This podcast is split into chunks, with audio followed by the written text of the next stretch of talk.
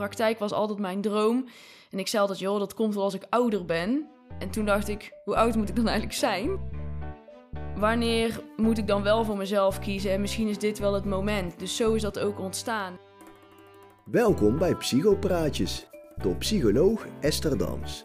De podcast met verhalen en interviews die jou aan het denken zetten.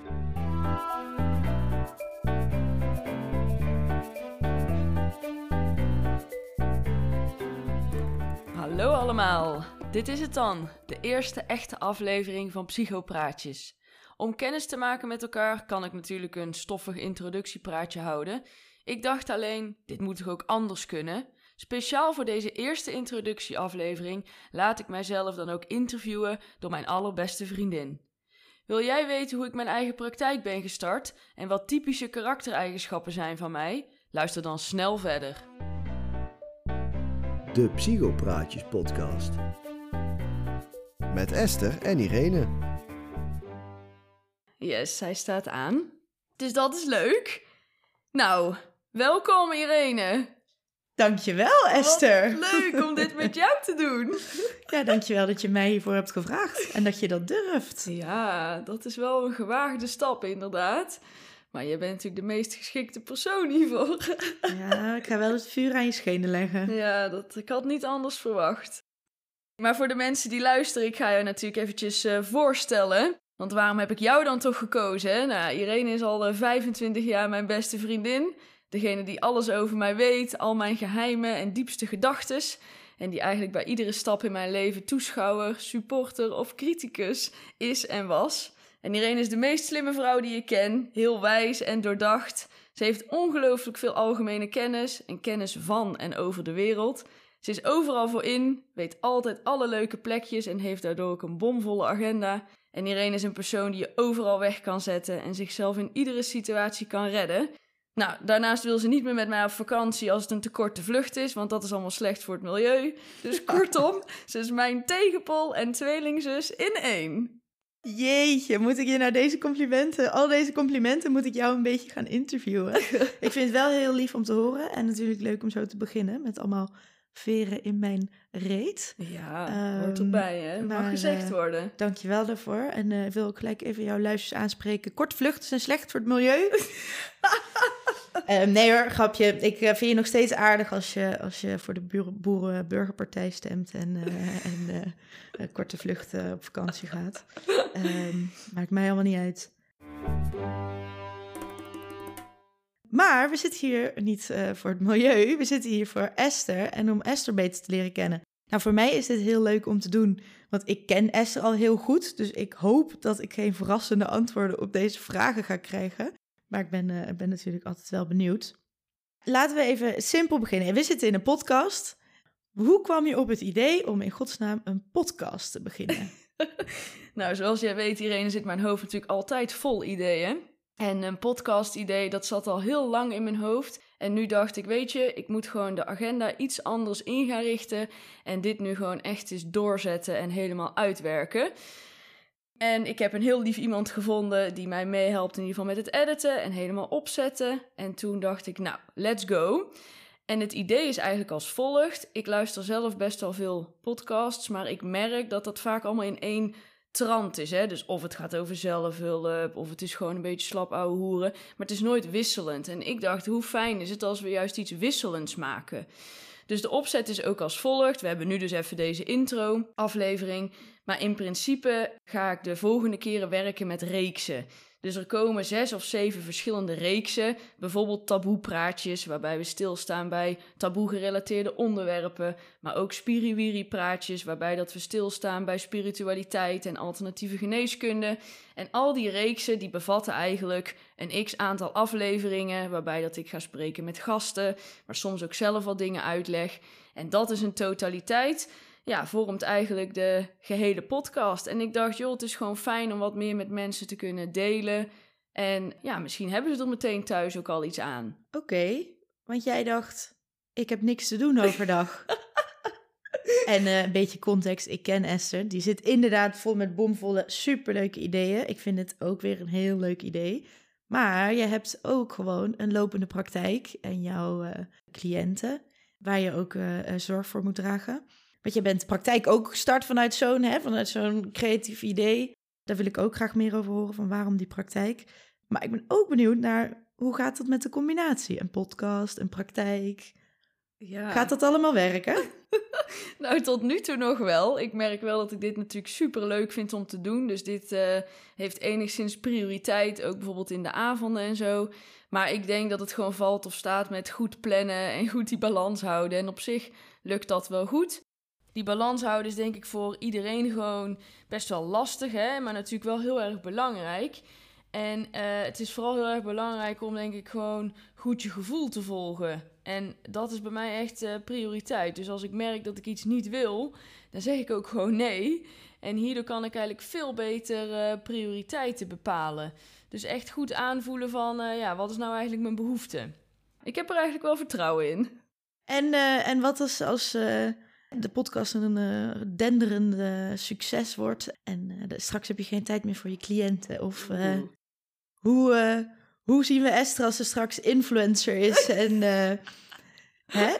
Mooi. Ja. Waar kunnen jouw cliënten dan op, wat kunnen ze van jou verwachten? Waar kunnen ze dan nog terecht? Ja, nee, het is zeker niet het doel eigenlijk om een influencer carrière te starten tegenovergestelde eigenlijk. Maar uh, ja, cliënten blijven natuurlijk altijd de prioriteit. Dus dat, uh, daar ga ik zeker voor waken. Je bent destijds die praktijk dus begonnen en je, je hecht ook veel waarde aan je cliënten. Je zat hier in Breda, je zit in Rukven en er gaat uh, een, nog een nieuwe ontwikkeling, want hè, het, er gebeurt niet zoveel. Kaam. Ja, dat klopt inderdaad. Ja. Dus ik ben inderdaad toen de tijd in Rukven gestart. En voor de mensen die wel eens lang zijn gekomen, dat is dus gewoon inderdaad in mijn ouderlijk huis, dus waar ik geboren ben. Omdat toen ik startte, dacht ik, ja, ik moet eerst maar eens kijken of er wel mensen komen. En um, dat ging eigenlijk binnen drie maanden was dat helemaal vol. Dat ik toen de tijd ook mijn uh, huidige baan heb opgezegd en helemaal volledig op de praktijk ben gaan focussen. Ja, de start van de praktijk, met name ook mijn doel uh, was en is eigenlijk om voor mensen de drempel te verlagen om psychische hulp in te schakelen. En om dit vooral ook makkelijker te maken. Het is al lastig genoeg als je niet lekker in je vel zit. Dus laten we vooral een hulpvraag ook serieus nemen. En laten we het ook gewoon makkelijk maken voor de mensen om in contact te komen met een therapeut. En dan ook gewoon echt een goed behandeltraject te starten. Er zijn mensen die zie ik al vier jaar lang, een paar keer per jaar of om de maand bijvoorbeeld. En uh, er zijn ook veel mensen die eigenlijk na 10 of 15 afspraken uitbehandeld zijn. En ik zie eigenlijk van allerlei soorten problematiek. Van, van stemming, beetje depressieachtige klachten, maar ook burn-out. Uh, mensen die paniek hebben, paniekaanvallen of bepaalde angsten. Maar ook relatieproblemen, dus ook veel koppels. Dus uh, dat houdt de afwisseling ook erg leuk. Nou, Breda is er toen op een gegeven moment bijgekomen. Ook omdat ik daar wat groepen bijvoorbeeld kon zien. Die ruimtes zijn daar wat groter. En nu deed zich een hele mooie mogelijkheid voor om inderdaad in Kaam iets nieuws te bouwen samen met mijn uh, vriend. Dus dat wordt een hele mooie nieuwe locatie om ook daar weer mensen te kunnen ontvangen en uh, te kunnen helpen. Het is natuurlijk wel ja, een hele andere regio ook. Dus uh, we gaan daar gewoon weer van nul af aan starten. Ja, nou, ik ben heel benieuwd. Ik hoop dat ik een uitnodiging krijg voor de opening. Zeker. Maar daar ga ik wel vanuit. daar ga ik vanuit. Nee, dus ik vind het ontzettend leuk dat je dat gaat doen in Kaam. Ik vind het ook een mooie omgeving. Leuk. Ik kijk er naar uit. Ja, ik ook. Ik ben benieuwd. Ja, goed. We weten dus waarom jij een praktijk hebt, waarom je een podcast wil. Je wil gewoon graag mensen helpen. En je vindt het gewoon fijn om onbespreekbare onderwerpen aan te kaarten en dat kan in de praktijk één op één met je cliënten of in groepssessies. Maar natuurlijk ook via een podcast, want dat is een lekker lage instap, een, een laag instapniveau voor mensen om mee te luisteren en te denken, hé, hey, daar zit ik ook mee. Ja, precies. Ik, uh, je hebt aan mij al een, uh, een uh, nummer één fan, luisteraar. nou goed, ik heb natuurlijk een privépsycholoog als beste dat vriendin, nog, dus ja. dat scheelt. Maar ik denk dat de luisteraars ook heel benieuwd zijn naar wie jij bent. Een paar instapvragen. Waar kan je Esther voor wakker maken? Oei. Of nou, moet je jou niet wakker maken? Niet. nou, dat weet je. Ik ben al vaak met Irene op vakantie geweest. En ik denk dat wij... Uh, of we hebben ook heel veel gelogeerd trouwens. Dus wij kunnen gewoon allebei heel erg goed slapen en uitslapen. slapen vind ik wel echt heel erg fijn. Dus het liefst moet je me eigenlijk niet uh, wakker maken. Dus uh, ja, ik denk eerlijk gezegd voor niks. Nou, ik mag jou altijd wakker maken, toch? Ja, dat is waar. je mag okay. mij altijd wakker maken. Ja, er zijn een paar mensen die favoriet staan in mijn telefoon. Dus die kunnen mij zelfs altijd wakker bellen. En dan ben jij er ook één van. Dat heb je wel eens ook vaak dat, gedaan. Dat trouwens. heb ik, daar heb ik gebruik van gemaakt. ja. Dat klopt. Nee, ik vind het lief dat je het zegt. En inderdaad, slaap ontzettend belangrijk. Ik kan me nog wel herinneren dat er voor een aantal ex-partners soms ochtends werd opgestaan om misschien toch om vijf uur even een bammetje te smeren. Wat dan ook weer uh, jouw zorgzame kant heel erg laat zien. Want je, ik weet dat je slapen belangrijk vindt. En god, jij kan, we kunnen met carnaval tot één uur op bed liggen. En dan om kwart over één staan we in de stad. Ja. Maar uh, nee, je hebt ook die lieve zorgzame kant dat, dat je meesta opstaat met de wekker en een bammetje, bammetje klaarmaakt. Ja, dus goed voor elkaar zorgen, vind ik altijd. Dat, dat staat bij jou bijna nog boven dat slapen. Zelfs dat, ja, ja, ja. Ja, zelfs boven het slapen. Maar goed, dat, uh, dat is een leuke binnenkomer. Ik zit hier in jouw woonkamer. Ik zie een piano staan. Ik zie een papegaai staan. Ik weet dat hier ergens bokshandschoenen liggen. Wat, uh, wat doet Esther in de vrije tijd als ze niet bezig is met nou ja, werk? Of, uh... Ja. ja, nou dat ziet er een beetje als volgt uit. Ik denk de belangrijkste dingen. Het boksen noem je al, hè? dus dat heeft sowieso ook prioriteit in mijn week om dat regelmatig te doen. Vind ik ook de beste uitlaatklep. Dus vandaar dat ik dat met cliënten ook vaak doe. Hè? Dus meer de bokstherapie. En daarnaast, nou, ik dacht dus, ik, ga, ik doe altijd veel opleidingen. En ik dacht, dit jaar ga ik nou eens iets nieuws leren. Maar echt voor mezelf. Toen dacht ik, ik ga piano spelen. Dus vandaar de piano, want dat is op zich noodzakelijk om het dan vervolgens ook te leren. Dus dat doe ik inderdaad uh, ook nog eens. En de papegaai die jij ziet staan, ja, dat is dus een beetje mijn guilty pleasure. Ik heb dus een soort fetish voor opgezette dieren. Wat als ik het hardop uitspreek eigenlijk nog vreemder klinkt. Misschien maar, moet je in therapie. Ja, misschien moet ik in therapie. Ja, ik vind het dus gewoon heel mooi. Ja. En ik hou ook heel erg van dieren. Dus ze hoeven niet per se dood te zijn. Maar ik hou gewoon heel erg van dieren. maar ik vind dat gewoon op de een of andere manier heel gaaf. Altijd al gevonden. En verder vind ik het heel leuk om uit eten te gaan. Dus dat doe ik ook regelmatig. Sommige cliënten en, en mensen om mij heen die hebben het stuk in de NRC gelezen. Waar uh, we een interview hadden met uh, mijn eetclub. Dus met vriendinnetjes van mij. En uh, daarin werd echt omschreven dat ik nooit kookte. Maar goed, dat is misschien wel een beetje overdreven. Maar ik ga graag uit eten. Dus leuke plekken ontdekken doe ik natuurlijk ook vaak met jou. We houden gewoon echt Ja. van uh, ja, goed eten, lekkere wijntjes en een fijne setting. Dus dat. Verder hou ik eigenlijk van alles met, met prikkels. Dus ik hou van escape rooms, ik hou van nieuwe dingen. Ik, uh, ja, ik hou gewoon heel erg van een beetje die sensatie. Ja, wat vind ik verder nog leuk? Ik vind eigenlijk heel erg veel dingen leuk. Ik uh, rij ook motor. Ik probeer wat meer te lezen. Dat vind ik ook wel fijn. Ik wandel regelmatig in het bos. En ik probeer ook gewoon veel nieuwe dingen uit. Dus uh, mensen die mij een beetje kennen, die uh, zullen dat ook herkennen, denk ik. Ik vind het ook gewoon heel leuk om uh, veel nieuwe dingen te ondernemen. Of naar plekken te gaan waar ik nog nooit geweest ben. Musea of een theatervoorstelling. Ja, dit kan eigenlijk van alles zijn. Nou, ik was eigenlijk altijd wel echt een die-hard stapper en festivalganger. Maar ik merk dat ik daar nu wat meer rust in heb gevonden ik echt wel meer een soort van oude vrouw aan het worden ben. Maar ja, het is ook wel heel fijn. En um, ja, tot slot gewoon mijn sociale netwerk. Dus uh, mijn sociale netwerk is echt mijn part-time job, zeg ik altijd. Ik ben heel trots en blij uh, op en met alle mensen die ik om me heen heb verzameld. En die uh, krijgen van mij ook heel veel tijd en aandacht. Ja. Dus ja, dat vind ik gewoon heel belangrijk. Ik zeg altijd, de mensen die je om je heen hebt, is echt je grootste rijkdom. En dat Ja. varieert van, van varkensboer tot chirurg, zeg ik altijd. En alles daartussen. Want het is gewoon heel leerzaam. Dat is, het- dat is het zeker. Het klinkt wel, maar dat weet ik ook van jou, dat je eh, 101 ballen in de, in de, lucht, eh, in de lucht houdt. Ja, om alle ballen hoog te houden, dat is inderdaad eh, best wel een uitdaging. Maar ik denk dat het ook gewoon heel belangrijk is om altijd met jezelf aan de slag te blijven. Dus ik volg zelf bijvoorbeeld ook gewoon therapie en ik doe veel op het gebied van zelfontwikkeling. Want het is gewoon iets wat eigenlijk nooit stopt. Hè? Ja, het is heel belangrijk om gewoon altijd goed met jezelf aan de slag te zijn en jezelf op die manier steeds beter te leren kennen. En uh, ja, mensen hopen altijd een soort van gouden sleutel te vinden waarna alles beter gaat. En, en dat zou ik nergens meer tegen aanlopen. Maar ja, dat is echt een illusie. Dat uh, bestaat gewoon niet, is mijn mening. En je zult eigenlijk altijd hard aan jezelf moeten blijven werken. En ik kijk eigenlijk altijd of mijn pilaren goed zijn, zo noem ik dat dan. En denk daarbij dan aan mijn relatie. Hè? Heb ik genoeg tijd voor elkaar? Doen we genoeg leuke dingen? Uh, hoe is mijn werk? Gaat dat nog goed qua werkdruk? Hoe is mijn vrije tijd? Doe ik nog uh, de dingen die me energie geven? En doe ik ook voldoende nieuwe dingen?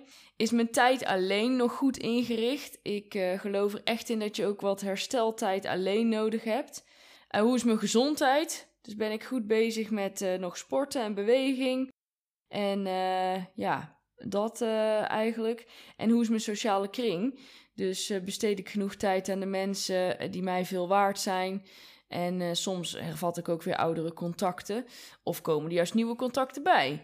En dat zijn echt de pilaren wat voor mij gewoon heel belangrijk is. En ik denk dat dat gewoon heel persoonlijk is hoe je die balletjes dan allemaal hoog houdt. Maar ik heb daar wel een goede modus in gevonden om dat allemaal een beetje goed op elkaar af te stemmen. Wat zijn jouw valkuilen? Waar loop jij tegenaan? En, en nou, ik denk dat je het al half een beetje hebt gezegd dat je veel ballen in de lucht hebt. Maar wat zijn jouw valkuilen? Hmm, ja, goede vraag ook. En ik denk dat het ook heel goed is om dat van jezelf te weten. Maar ik ben dus super ongeduldig ook. En dat helpt met heel veel ballen in de lucht niet altijd mee. Dus het, het, ik ben echt snel. Ik ben absoluut niet van de details. Dus ik, ik kan, uh, als ik een mailtje wegdoe of iets, dan uh, zit daar echt nog wel eens een fout in of zo. Ja, ik geef gewoon eerlijk gezegd ook niet zo heel erg om uh, gedetailleerd werken. Ja, dus dat is wel een, een valkuil, dat ongeduldig zijn. En ja, wat ik natuurlijk tegen cliënten ook zeg, je moet gewoon heel erg goed die balans houden. En dat is voor iedereen heel erg moeilijk, voor mij net zo goed. Dus natuurlijk is sociaal contact belangrijk, maar ook tijd voor jezelf. Het is belangrijk om inderdaad te werken, maar ook juist te kunnen ontspannen. En ik denk dat dat voor iedereen gewoon echt een, uh, ja, een hele moeilijke strijd is met momenten. Dus ja. dat kan voor mij ook zeker een valkuil zijn. Ja. ja, dat blijft voor iedereen denk ik je hele leven een zoektocht. Wat die balans is. En dat dit ene moment de balans wat anders ligt dan de andere keren. Hè? De ja. ene keer heb je gewoon meer ruimte in je hoofd voor werk en dan weer voor je privéleven. Ja. En nou ja, wij zijn in ieder geval al 25 jaar vriendinnen. Dus uh, bij mij uh, heb je die balans goed onder controle volgens mij. Ja, ik denk dat wij elkaar ook altijd wel goed kunnen balanceren wat dat betreft. Dat we echt wel kunnen zeggen van, oh, nu is het net te druk met werk. Of nou zit ik te veel met mijn relatie in mijn hoofd of iets dergelijks. En ja. het is gewoon heel erg fijn als je iemand in je omgeving hebt die je daar ook op scherp kan stellen. En waar je zulke dingen mee kan delen. Ja, het is gewoon een uh, familiebasis. Als ik jou twee maanden niet spreek dan ben jij nog steeds mijn beste vriendin. Dat kan, ja. uh, of, of een jaar, niet dat dat ooit is voorgekomen, maar als ik jou een jaar niet spreek, dan denk ik ja. dat dat hetzelfde zou zijn. Zo zou het wel mooi. zonde vinden van dat jaar. Ja. ja, het is gewoon heel onvoorwaardelijk. En, en dat is denk ik ook wel goed om te benoemen. Ik ben uh, enig kind, dus ik heb geen broers en zussen. Dus zeker Irene vervult daarin echt meer een soort zussenrol voor mij ja, ik vind dat ook altijd heel erg interessant en fascinerend. Wat dat toch ook met iemand kan doen hè, in uh, familiebanden en die relaties. Dus ik denk dat daarom inderdaad die connectie voor mij en dingen samen ondernemen heel belangrijk is. Want ja, dat is natuurlijk als je kind bent, uh, is dat dan toch met ja. momenten misschien wat alleen. Ja. ja, dat is voor mij wel wederzijds. Dat ja. dat voelt als, uh, als een zussenband. We kunnen ook ruzie maken als zussen. Zeker. Dus uh, dat, uh, dat, nee, dat, dat voel ik wederzijds ook zo. En je begint zelf ook al over, hè? Je, je bent opgegroeid als enigskind. Nou, ik ken allebei jouw ouders. Ik kom daar al mijn hele leven over de vloer. Dus dat voelt ook als een soort bonusouders. ik ken ze hartstikke goed. Wat vinden zij daar allemaal van? En, en Hè, want je zit natuurlijk in hun huis, ook met de praktijk. Ja. Hoe, hoe gaat dat? Ja, dit is dus inderdaad wel heel erg grappig. Wat vinden zij er allemaal van? Ik denk dat die uh, ergens al op het uh, pad verloren zijn wat ik allemaal doe en wat er in mijn hoofd omgaat. Dus die zijn een soort van toeschouwer en uh, ja, die supporten mij daar zeker wel bij hoor. Dus dat is heel erg fijn. En mijn ouders zijn al best wel op leeftijd. Dus toen ik de overstap maakte om de praktijk te beginnen, was het voor mij ook wel twee vliegen in één klap. Want ik dacht, dan zie ik hen ook vaker. En hoe mooi is het om dat inderdaad een soort van samen te kunnen doen. Nou, verder inderdaad, de cliënten komen daar over de vloer, dat klopt. Dus we hebben al dat hele strikte schema's wanneer mijn ouders wel of niet naar buiten kunnen, want anders treffen ze iemand en dat zou ik natuurlijk heel vervelend vinden. Ja. Voor de cliënt, maar ook voor mijn ouders. Mijn moeder doet wat administratieve zaken voor mij ook. Dus uh, qua dossiers en dergelijke klaarleggen, vragenlijsten uitprinten. Dus daar helpt ze me heel erg mee. En wat ook nog wel grappig is om te vertellen, ja, kijk, soms heb ik natuurlijk mensen die heel boos zijn in de praktijk. Of koppels die echt nog net niet met de stoel naar elkaar gooien. En dan uh, hoor ik altijd van mijn ouders achteraf wel van... oeh, ja, nou, we zijn maar even in de keuken blijven zitten... en uh, we moeten misschien toch goede afspraken maken... wanneer dat we dan echt binnen moeten vallen. Dus die zijn toch daarin heel erg bezorgd... dat volgens mij iemand mij een keer aanvliegt of zo. En nou heb ik dat zelf natuurlijk ook liever niet... maar die horen dan natuurlijk qua stem verheffen... horen ze wel eens wat. Dus daar moeten we altijd heel erg om lachen. Ja. En, uh, maar dat is zeker een, een ding, ja. Het is mooi om het daar te kunnen doen... En, uh, maar het, het, brengt zekere consequenties met zich mee dat zij ook met dingen rekening moet houden. Maar ja, dat vinden ze volgens mij helemaal niet erg. En uh, ze zijn daar heel trots op en uh, ja, vinden dat eigenlijk heel leuk. Vooral als het beter gaat met de mensen, dan vinden ze dat fantastisch. Ja. Ja, ik ken je ouders ook en je moeder vooral. Hè? Natuurlijk ook nieuwsgierig. Ja. Altijd. Opnieuw in je ouderlijk huis zitten lijkt me ook soms een beetje uitdagend. Ja, dat is zeker. Lunchen jullie ook samen Ja. en uh, blijf je eten? En... Ja, ja dit is, uh, het is inderdaad een hele uitdaging om ze dan ook soms weer zo vaak te zien. En je weet toch in een ouderlijk huis, kijk, ik ben nooit verhuisd ook vroeger, dus hier liggen al mijn herinneringen. Mijn oude kamer is er natuurlijk nog, die is niet helemaal intact meer, maar hij is het er nog wel, de kamer. Dus de, dat, uh, ja, daar zitten gewoon veel herinneringen aan verbonden. En inderdaad, we lunchen samen en ik werk één à twee avonden in de week. Dus dan wordt er ook voor mij gekookt. Dus het is ook wel een luxe positie. Maar uh, ja, ook dat uh, draait allemaal om balans. En soms is inderdaad een, een ouder gewoon best wel bemoeizuchtig. Of moet ik allerlei dingen of uh, weet ik het wat. En dan denk ik, oh, dit is toch wel heavy. En dan denk ik, soms Ja. zat ik maar gewoon in een statisch kantoorpand. Ja, precies. Maar ja, het, is, het heeft allebei zo zijn voor- en nadelen. Nou nee, het heeft twee kanten. En ik dacht, ik, ik, ik prik nog even door. Want wie Ja. zou nou niet gek worden soms, hè? Als je je eh, werkplaats in je ouderlijk huis hebt. Ja, Ehm, dus eh, om maar aan te tonen, eh, niemand is heilig. Iedereen heeft zijn uitdagingen. zeker. Dus dat is wel leuk om te horen. En ik weet ook bij je ouders dat het vanuit een goede kant, vanaf Ja. de goede kant komt. Waar ik dus ook benieuwd naar was. Je zegt, je hebt als patiënten tegenover je die schreeuwen. En je hebt patiënten die ook elkaar, als relatietherapie, boos worden op elkaar. Nou, je hoort nu best wel wat dingen in het nieuws. Met een psychiater die eh, is doodgeschoten. Met eh, de, die arts van het, eh, van het Erasmus MC. Allemaal best wel schokkende dingen. Ja. Ben je wel eens bang of denk je daar wel eens over na? Ja. ja, dat is een hele goede vraag. En zeker zulke berichten, dat ja, baart mij natuurlijk ook zorgen. En natuurlijk ga je dan ook denken van, goh, hoe zou ik daarmee omgaan? Of tref ik ooit zulke incidenten? Maar er zijn een paar dingen, denk ik, heel erg belangrijk. Ik werk echt met, met zware casussen, toch veel samen met de huisartsen in de omgeving. Dus dat geeft al wel extra veiligheid. En anderzijds, kijk, ik hecht heel veel waarde aan echt dat persoonlijke contact. En ik moet eerlijk zeggen, als ik de eerste keer al met een cliënt bel en ik denk, goh, tja, hmm, ik heb een beetje twijfels, dan ben ik ook altijd wel open en transparant dat ik diegene gewoon doorverwijs. Omdat ik dan denk van ja, er is meer hulp nodig of inderdaad een soort van team om iemand dan in bedwang te houden. Ja. Anderzijds um, ja, heb ik ook echt wel eens uitdagende casussen binnen de praktijk gehad met inderdaad een soort van ex-criminele of, of echt criminele achtergrond. Wat natuurlijk met je beroepsgeheim meteen uh, lastig wordt. Maar ik moet zeggen dat me dat eigenlijk altijd verbazingwekkend goed is afgegaan. En dat dat eigenlijk ook altijd wel heel leuk was. He, dus dat dat soms hele heet gebakerde types zijn die uh, met weet ik van wat voor scheurmonster uh, nog net niet uh, de poort eruit rijden, zeg maar. Maar daar valt dan ook heel veel winst te behalen. Dus ik ga denk ik ook wel vaak de uitdaging aan. En dan maar gewoon kijken waar het schip strandt. Ja. ja. Ja, ik ken jou. Jij kan met, ik denk, elk type mens omgaan. Uh, je zei net heel lief over mij. Uh, die kan je in elke situatie neerzetten. Ik denk dat dat voor jou minstens uh, zo erg geldt. Jij kan met iedereen omgaan. Zijn er types waar je dat heel uitdagend vindt? Wat zijn mensen waar je het moeilijkst vindt om mee om te gaan? Ja. Wil je dat zeggen als psycholoog? of eh, is iedereen welkom? Ja, nou, vooralsnog zeker is iedereen eh, welkom. Maar tuurlijk eh, zijn er echt wel soms ja, behandelingen dat ik denk, als ik in de agenda kijk van, hm, vind ik net iets minder leuk. Daar moet ik ook eerlijk over zijn. Kijk, ik vind het vooral gewoon heel erg fijn als iemand bereidheid toont en echt aan de slag wil met dingen. En ik kan er slecht tegen als iemand dan verschijnt en met allerlei excuses komt en ja maar en weinig zelfinzicht heeft. Ja, dan vind ik het ook gewoon vooral heel erg zonde voor die persoon. Want dan denk ik, ik zou het je zo erg gunnen. Maar ja, zodra dat je hier de behandelkamer uitloopt, moet je het echt zelf doen.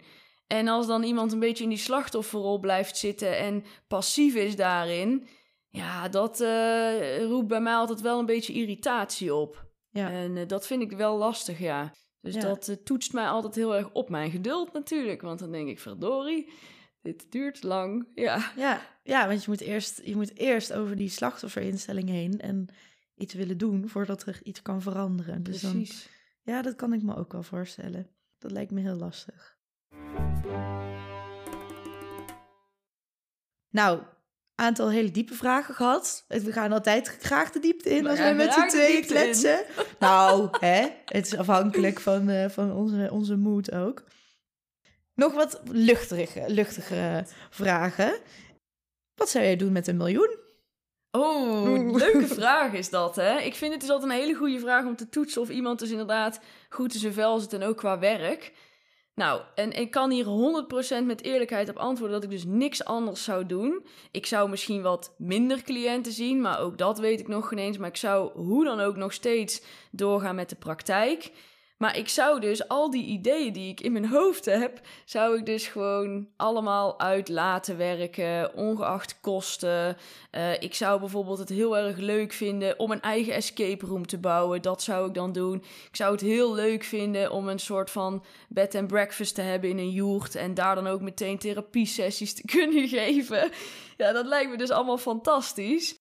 Ja, wat zou ik nog meer doen met 1 miljoen? Nou, ik zou dus ook best gewoon een restaurant willen beginnen eigenlijk. Met een eh, uniek concept daarin. Omdat ik zelf natuurlijk heel erg hou van lekker eten. Maar ook omdat ik dus hou van die prikkels en dat het een beetje een sensatieavond is. En dat zou ik eigenlijk ook wel willen combineren dan.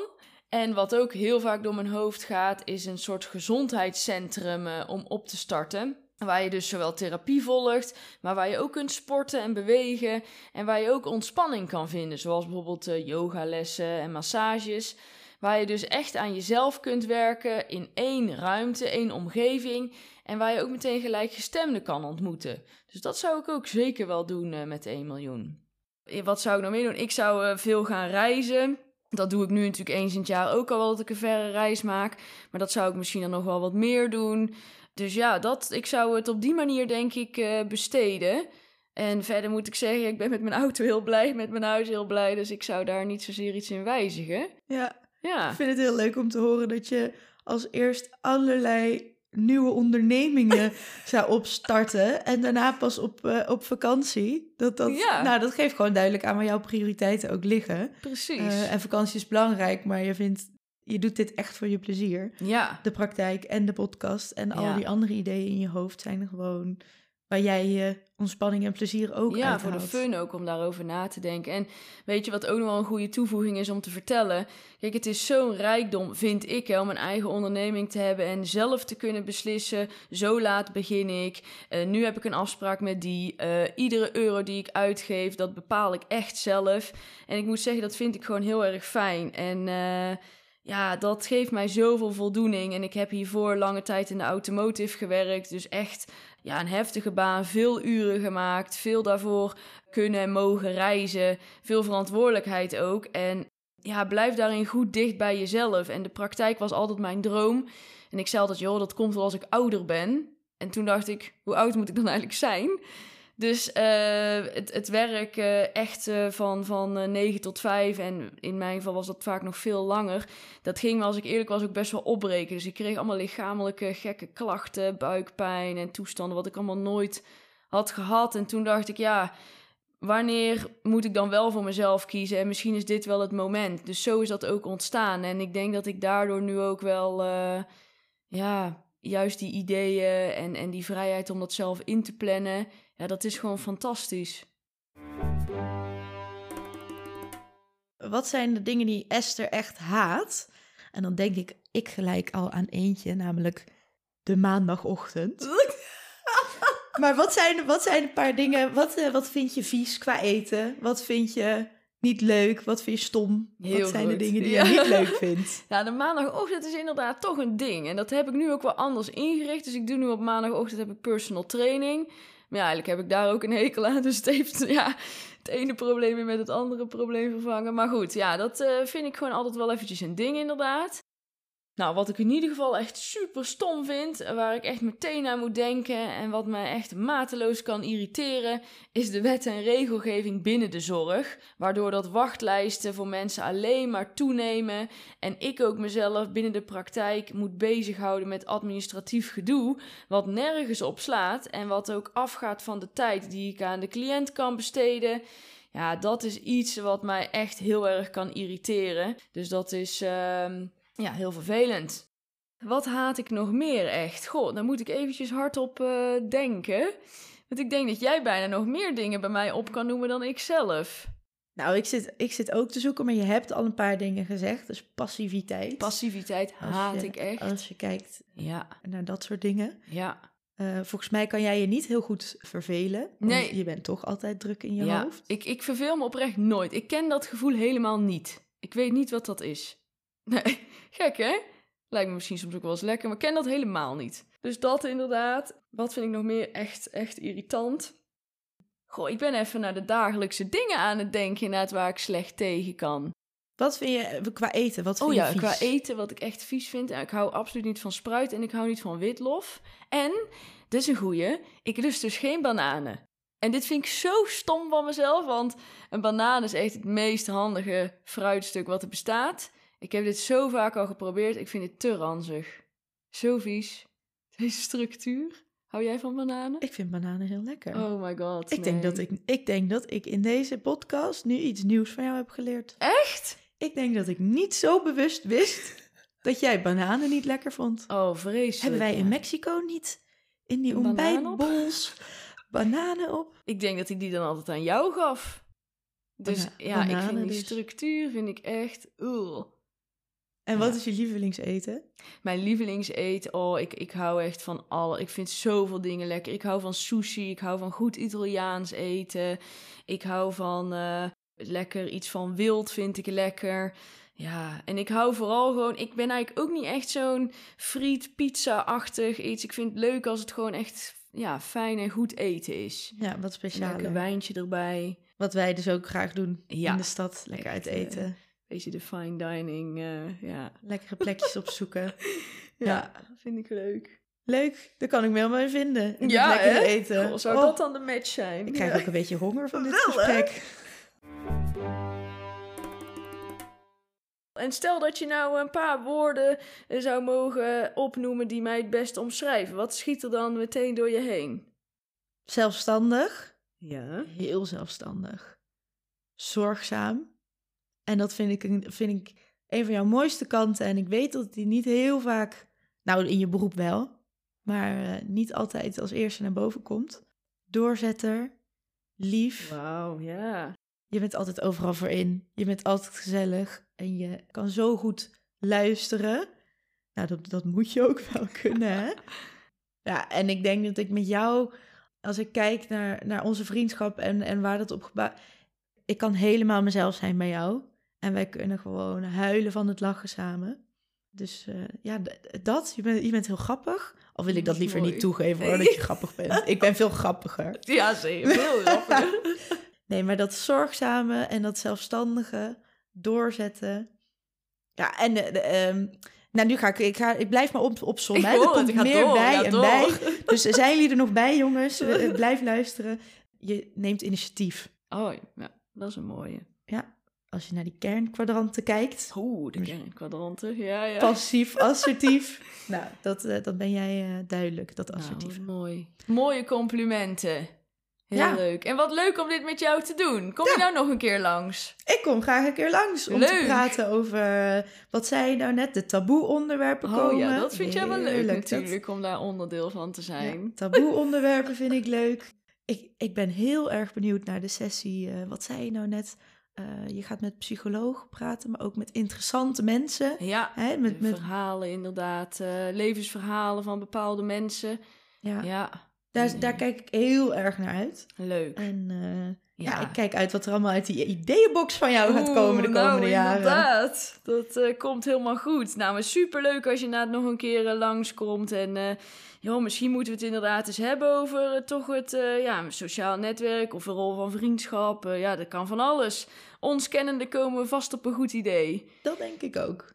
Dat Ja. loopt helemaal los, denk ik. Dankjewel dat je mij hebt uitgenodigd om jou te interviewen. Ik, eh, ik kijk uit naar de podcast. Oh, dat is lief. Dankjewel. En dankjewel voor je vragen. En eh dankjewel dat je er was. Graag gedaan. Succes! Dankjewel. De Psychopraatjes podcast. Bedankt voor het luisteren. Like, deel en abonneer op deze podcast en volg Praktijk Dams op Instagram voor nog meer tips en inzichten. Hulp nodig?